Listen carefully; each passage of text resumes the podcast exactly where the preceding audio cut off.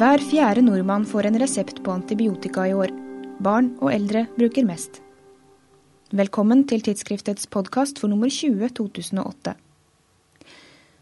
Norge er blant de flinkeste i klassen. Vi bruker mindre antibiotika enn de fleste andre europeiske landene, og vi bruker oftere de smalspektrede. Men vi kan nok bli enda flinkere. I dette nummeret av tidsskriftet presenteres de første fem av i alt 20 artikler i en temaserie om antibiotika og resistens. Irene Litleskaret og kolleger ved Folkehelseinstituttets avdeling for legemiddelepidemiologi har skrevet om forbruket i Norge. I løpet av en ettårsperiode i 2006 og 2007 henta en fjerdedel av befolkningen en resept på antibiotika. 29% av disse her var kvinner, 21 eh, menn.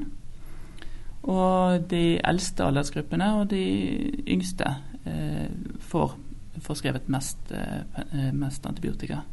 Antibiotikaene som det, det, går mest av, det er penicilliner, altså fenoxymetylpenicillin først og fremst. Eh, og så har vi også eh, mye forbruk av metanamin og doxycyklin og pivmesilina. Fra 1974 til 2007 økte forbruket av antibiotika til systemisk bruk med over 50 Forbruksmønsteret endret seg også. I 1974 sto bl.a. sulfonamider og trimetoprim for 40% av det totale forbruket, mens det nå står for bare 5 Årsaken til, dette, til den nedgangen, i hvert fall, det kan jo være at det er økende resistens på, på disse eh, produktene, og kanskje òg mye bivirkninger. At det har kommet andre midler som, eh, som eh, både kanskje virker bedre og, og har mindre bivirkninger.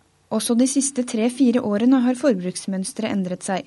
Annet har forbruket av alle typer penicilliner økt, noe som i hovedsak skyldes en økning i doseanbefalingene. Men også metanamin, eller Hyprex, er populært, selv om det nesten ikke benyttes i andre land enn i Norden. Metanamin er et urinveisantiseptikum, og brukerne er i hovedsak eldre kvinner. Og de bruker det kronisk, eh, sånn at det, blir, det utgjør en stor del av, eh, av eh, salget. Eh, det er ikke en spesielt rasjonell økning. For det er et middel som eh, egentlig har ganske dårlig effektdokumentasjon. Så det er litt vanskelig å forklare hvorfor det er så populært.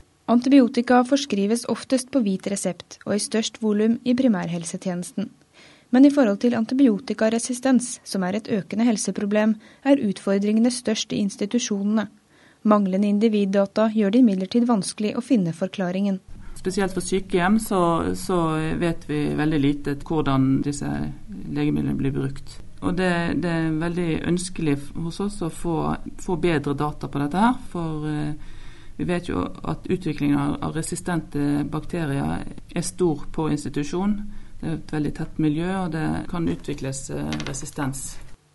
Litleskaret og kollegene baserer artikkelen sin på data fra den grossistbaserte legemiddelstatistikken og fra Reseptregisteret.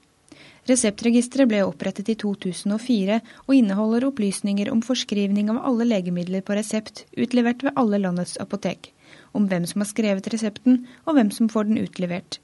Men det som ikke registreres, er hvilken diagnose legemiddelet forskrives for. Det har jo eh, åpenbare ulemper, eh, som at eh, vi kan se hvilke antibiotika som, som blir brukt, men vi, vi kan ikke se Eh, hvilke infeksjoner som blir behandlet, og dermed heller ikke om, om eh, de forskjellige infeksjonene har, eh, blir behandla på riktig måte. Men er det et ønske om det, at reseptregisteret skal inneholde diagnoseopplysninger?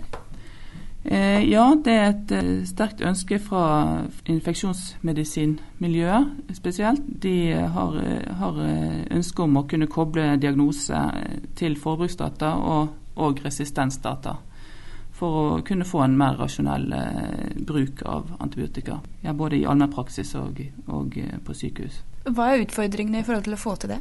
Disse diagnosekodene som finnes, vil være ganske unøyaktige. Og det er vel en fare for at eh, om en får inn eh, diagnosekode på reseptene, så vil det være for lite spesifikt eh, til å kunne gi en, en god oversikt over, over hva infeksjoner som blir behandla. I tillegg så er jo dette med diagnosekode som eh, er tenkt innført på e-resept f.eks., vil være tilkoblet spesielt blå resepter. Og eh, de hvite reseptene utgjør jo hoveddelen av antibiotikaforskrivningen. Den, den, største utfordringen er jo kanskje å, å, motivere forskrivere til å ønske en sånn diagnosekode på, på hvite resepter. Det krever jo at folk er interessert i å gi den informasjonen. Og så er det selvfølgelig en, en del e-, etiske problemstillinger om personvern og, og sånne ting.